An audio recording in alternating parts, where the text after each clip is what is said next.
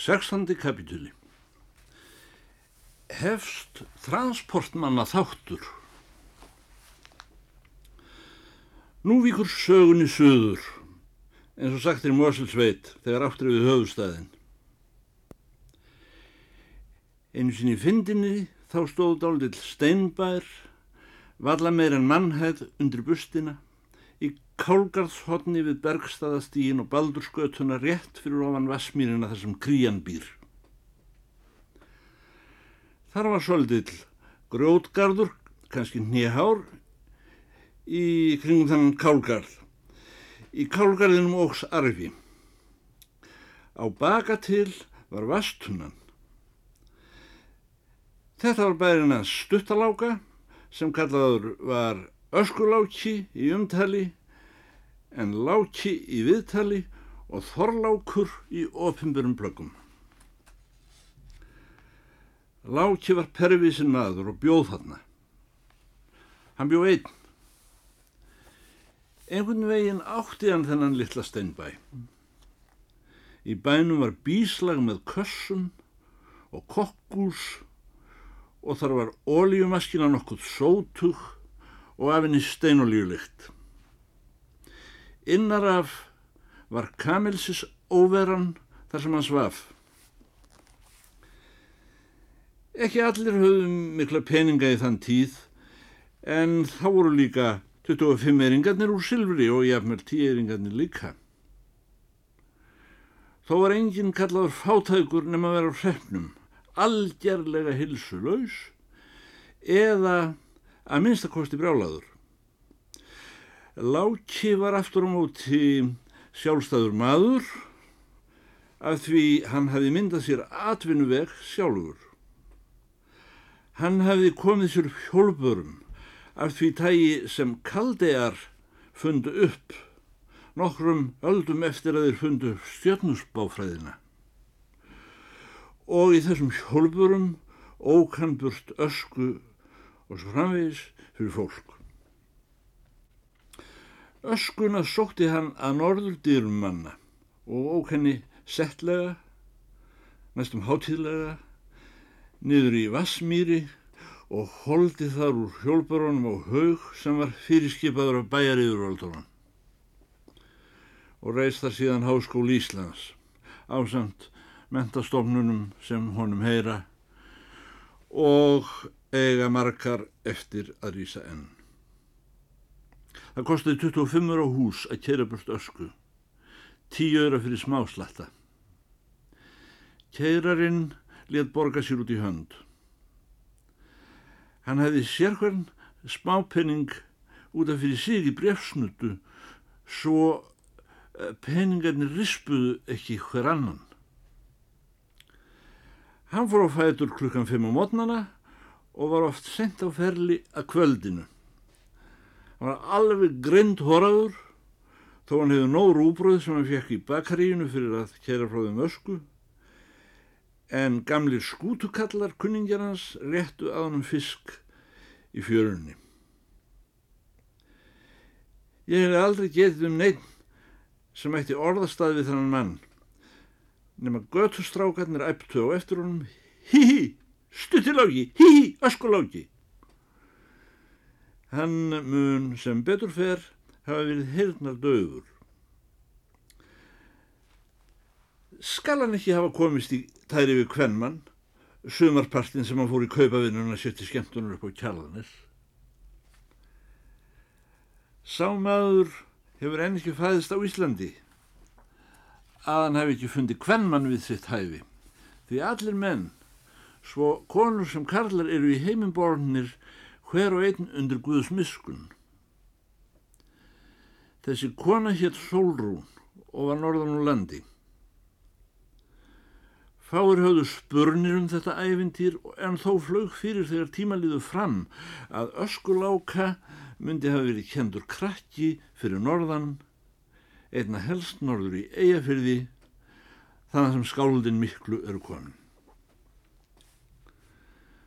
Nú líður og býður og bráðum eru liðin sex ár síðan sömari þegar stutti láki fór upp á kjallanes. Þá verður það til tíðunda einn góðan veðurdag að fátækra stjórnin í höfuborginni kemur sig lammandi með lítinn dreng við hönd sér heima litla steinbænum á fyrskrifuðu götu hodni og voru að finna þottlák. Það var engin heima en fátækra stjórnin settist á grótgarinn lága og beð þar með drengin uns húsráðandi kom heim. Þetta var fimm ára gammal drengur. Hann var í treyu af ofstóru manni og innan í þessari treyu var saumað bref sem var undirskrifað og stimplað af valsmannum í fjallægum síslum og landslutum. Í því brefi stóð að drengur þessi veri sonur Þorláksnokkurs transportmanns í Reykjavík og konu fyrir norðan, Solrúnar að nefni og var dáinn. Smápiltur þessi hafi verið sendur reppaflutning einsýnsliðs frá reppstjóra til reppstjóra yfir meirinn 20 héruð, allarlegur eigafyrði yfir háa fjallgarða, dali, heiðar og óbrúið vötn og hafiði verið á þessu ferðalagi missirist tíma, spöl og spöl í einu. Einlagt með nýjum og nýjum samferðamönnum því fáir höfðu henduleika til að láta koma á sig lifandi barni nema stutt í einu. Svona helt drengurinn áfram försinni. Einlagt nýj fjöll og nýjir dalir, ný og ný fljót, nýjir og nýjir næturstæðir, yllviðri og hrefstjórar svo öngu var líkara en veröldin veri enda laus. Nú er þessari langkvæl lokið. Ferðamæðurinn sýtur hér á grjótgarði á samt hrefstjóra fyrir sunnan og komin heim. Loks kom fadir hans og óg á undan sér hjólburun. Hann gegst þegar við drengnum og kvittaði fyrir honum á blað hjá fátakrastjóranum en þótti leiðanlegt að frétta móður hans skildi vera dáin. Að erindinu loknu fór fátakrastjórnin heim til sín en öskuláki tók svonsinn við hönd sér og leiti hann í bæinn. 17. kapitúli Að koma upp hákalli Í þann tíma rann opinn lækur í gegnum höfðborg vora og var kallað lækurinn. Í honu voru hotnsíli. Stundum átti sjá þar ál sem var að koma úr Saragossa hafinu og ganga í tjörn þá sem kalluð er tjörnin og likur á bakvið alþingishúsið og domkirkjuna. Norrlendingur sá er frávar greint í fyrra kapitula, hafið það fyrir stafni, fyrsta árið sitt í höfuborginni, að sjálfsinn sögu síðar, að hann tók hornsíli og stundum ál með höndon í læknum. Fadir hans fór á fætur eins og fyrir getur klukkan 5 á mótnana og ítti af stað þessum frægu hjólburum sem kaldegar fundu upp samkvæmt fram, frambrúunarkenningunni í áframhaldi af stjórnusbáfræðinni það er að segja hjólbururnar voru áframhald af stjórnusbáðum uh, uh, meiningarlega séð. Þegar Stefán Þorláksson vaknaði á mótnana var fadir hans löngu farin út en það var dálítið rúbröði stundum uppþotnað, stundum miklað í kokkusinu. Stundum var líka sín gráslepp og biti af kæstri skötu en af hórum tveggja þessara rétta leggur þef sem er ókunnur í Norðurlandi. Oft var einnig vatni fötu. Það var enginn til að tala við þegar maður vaknaði á mótnana. Á öðrum stöðum voru ekki heldur vínir, nefn viðmælendur, nema nokkur starri strákar að fara í skólan og eftu á hann Steppi Stuttalákarsson, hí! Svo hann hafði ekki annan selskap en þessu einkennlegu fisk, fiska lækjarins. Bráðlega fann hann þó leiðina hann í fjöru og horfi á fiskimennin að koma að með fiska sem voru margvíslegir að lit og lögun og sem stórir þar á meðal hákall og er mönnum ekki heldur ókunnúr fyrir norðan. Pilturinn var stór hrifin að þessum fiskum af því þeir voru einu fiskarnir sem hann hefði séð fyrir norðan og í rauninni eina skeppnan að mönnum ekki undanskildum sem hann kannadist við hér fyrir sunnan. Þess var áður getið að fadur hans átti gamla tunnu sem sapnaði í sig rykningarvatni úr rennu og hann af þækinu á litla stembænum. Og þess vegna dætt piltinum í hug að fara að framleiða hákall í tunnunni. Hann fann af hyggjuviti sínu að þetta myndi hægt með því að veiða ála úr læknum og ala þá í tunnunni. Það var skoðun hans að álarnir væru svona mjóir að þeir fengju á lítrað geta í tjörninni en þar finnast ekki aðrir fiskar.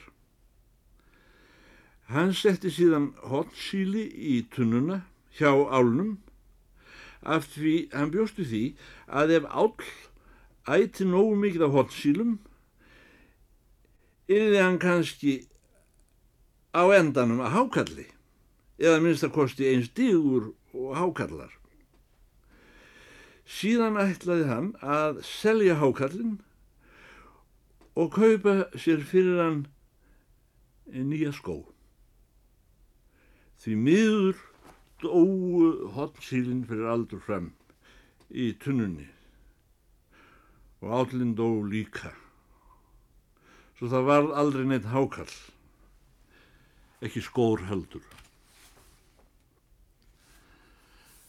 Fadir hans hafði þann síða hætta að aka ösku klukkan 6 á hverjum lögardegi. Þá kom hann heim.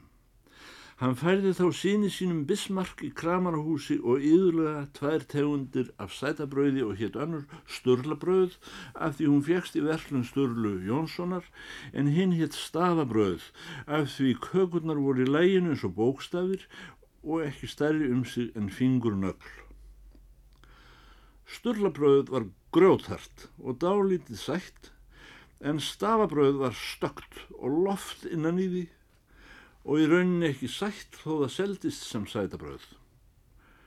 Þóttlákur hefði heyrt að heldrimannabörn lærðu að lesa af því að geta þetta bröð. Hann leiti stundum drengin sér við hönd til kirkju á sunnudagsmórnum en vildi ekki láta hann vera með sér þegar hann var að keira ösku því honum fannst of mikið létt úr því að blanda börnum sínum í ábyrðan mikið embætti sem það er að kera burt ösku frá merku fólki í bæjarfélaginu. Sá sem er að ramsa þetta saman núna, mann vel eftir þorláki heitnum öskukalli, hann var alladeinu og myndin af eh, Michelangelo heitnum Buonarroti. Það er öllum byrjið saman um sem hafa haft ástöður til að bera saman myndir þeirra. Um veturinn var stundum kallt í bænum hjá Þorláki og lækurinn lág og hotsinn voru ekki viðláttinn en állin farin á stað í djúpið mikla í Saragossa-hafinu að því að Stefán Þorláksson saði þeim er þetta rittar. Drengurinn fekk kvef og lág í rúminu mikinn parti vetrar þanga til föður hans tóst að útvöðunum grasavatn hjá spákonu fram á nesi. Fæðin hans var önnum kæfin að rétt að bogna riðnagla út öll jólinn. Ekki hvað Stefán Þorlóksson heldur reyka minni til þess að það hefði verið mikil sól þann vetur. En á endanum fór þessi himna kroppur samt að gæjast ennum gluggan hjá láka eins og uh, stundum fyrir norðan. Loksins, loksins, svo kom krían og gargaði sifjulega í vasmýrinni en fölur drengur skreitist fram úr og fór hann að læk til að gáða vinum sínum hotsílunum og álunum og uh, svo fór að þeir kom líka. En hákall varð aldrei úr því sem fyrr var sagt. Átjóndi kapitúli. Nætur gestur á Hrísbrú. Nú ykkur sögunni aftur upp í Mósfelldal. Þá kirkjusókn sem fyrr var fráhorfið, enda búið að leggja niður brauðið og jafna kirkjuna við jörðu og allir fyrir löngu farnir að hugsa um eitthvað þarfara.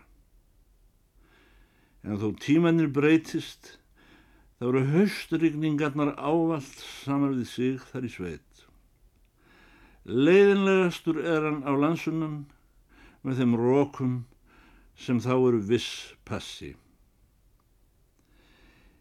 Ég man ekki hvort ég hef getum það áður að í þeirri sveit er tíð og tími miðaður við söðfje, ekki menn. Þetta hefði vel heldur vond haust fyrir söðfje. Þegar hér var komið sögu þá er komið fram um skilarétt og farið að stittast þangað til farið verður að taka lömp. Þau voru blöð foröðin á Hrísbrú núna, þar sem vegurinn lág norður í land. Hann stóð upp á glöggan hjá henni Finnbjörgusálugu þar sem hún var að prjóna við ljóstýruna sína sem lifiði þó annu ljós veru slögt í dalnum. Piltarnir voru að ganga frá hurðum undir nóttina því slagviðrið stóð upp á þeim megin. Í þessu veðri kemur upp úr dúrnum að eitthvað kvikt er að brölda í þjóðgötunni þar sem hún liggur heim tröðina. Er það skemst frá að segja að þetta kikvendi bjargar sér úr fórinni og upp á hlaðstéttina og sest þar á bæjarhelluna í slagðirinu, akkurat í skímuna sem lagði út um bastofuglökan hjá henni Fimbjörgu. Þeir feðgar voru að vísu ekki mjög sjónskarpir í björtu en sáu aftur á móti förðu vel í myrkri. Fá þeir nú ekki betur séð, en þarna skreiðist upp úr forinni piltungur, þegi mikill og ekki öllu meiri að allar sín en Írafellsmóri sem löngum hefði verið frægust persóna og mestur draugur í sveitonum kringum Esju fjall, þó ekki sé hans getið á þessum fátaglegum sagnablöðum. Sinir Ólafs segja við föður sinn. Það er einhver komin. Er það maður, spyr Ólafur. Það ber ekki á öðru, segja þeir. Þó Ólafur heitin sægi á því mjöli valla til að pissa í björtu að því hann sagði, þá treystu sínuna svonum þó betur en öðrum til að sjá mun á manni og draug í myrkri og báði hann skera úr í þessu máli. Ólafur Bundi gengur fram á hlaðhelluna og spyr Hvaðan kemur þú í þessu veðri lapp? Ég kem að sunnans vera lítill drengur. Og hvert ætlar þú, spyrja þeir á móti. Ég ætla norður, sagði drengurinn. Hver á með þig, spyrja þeir. Hún Solrún, sagði drengurinn. Hún dáin. Hvað ætlar þú að langt norður, segja þeir. Jæjafjörð, sagði drengurinn. Ræðar þú norður í Jæjafjörð? Já, sagði drengurinn. Ertu ekki hrættur, sagðu þeir. Jú, sagði drengurinn veist ekki að þetta eru 14 daglegir með lest norður í eigafjóðspyrjuði. Ég er ekki með lest, sagði drengurinn. Leiðin líkur yfir vestu vassföll á landinu. Það gerir ekki til það drengur ég er búin að vaða þrísvar í dag. Voru ekki átnar okkar hér í sveitinu nógu djúbarhandaðir, kaldaklofslækur og, og kortúlstað á? Nei, saði drengurinn, þar voru bara í háls. Þá spyr Ólafur bóndi. Við hvað er þetta hrættulapp með að þú vart ekki hrættur við að vaða upp í háls? Ég stað sjóhættunum að sösku láka, svarði drengurinn. Ég var svo hrættur um að þeir sem ég mætti á veginu myndi þekkja mig. Hefur búist við að verða flengdur, já, saður hýsbrúingar. Drengurinn sagði, ég sneri hattinu við á hausnum á mér. Ég let það sem er aftur snúa fram svo það þekkti mig enginn. Síðan heldur hann áfram verðasögunni. Svo lág gatan í voðulega langt hold. Þá var ég aftur hrettur. Ég hljópum sér komst, ég datt og datt og það var ekkert hús og engin maður, engin skeppna. Ég held að myndu koma ræningar og ráðast á mig. En ég kom stundan og, og svo var ég hættur í þriðjasinn. Það var að koma myrkur og gatan lág undir voðalega stóru fjalli. Ég held fjallið myndi hrinja vona mig og ég þorði ekki annað en hlaupa langa leiðir út úr götunni, alla leið niður undir sjó, svo ég er ekki undir fjallinu þegar það hrindi. Þess var áður getið að eh, hrísfrúingar lögðu ekki vana sinn að spyrja gesti hvernig þeir væru haldnir, þó þeir eftir leiðum hlöðin. Hvernig sem á því stóð, brúður vana sín þetta kvöld. Jamil Ólafur Sálugi sem let sig næturstaði fólks litlu skipta, hann segir svo við þann ferðamann. Hvar hefur þú hugsaðir að vera í nótt? Ég veit það ekki, sagði drengurinn. Hefur þú fengið nokkuð í þig, segir Ólafur búndi. Já, já, segir drengurinn. Húnar, spyr Ólafur kall. Um dagins, sagði drengurinn. Dægin hvaða anskotans dag, spyr Ólafur búndi. Ég manna ekki, saði drengurinn. Þá segir Ólafur við sinni sína. Missið hann ekki út í veður og vind, rétt á meðan ég skrepp inn og spyr hann að Finnbjörgu. Eftir eh, stundarkorn þreyfaði Ólafur reytin sig tilbaka fram í bæjardir og bauð Stefáni Þorláksinni að gista. Hann gisti þar í 20 ár.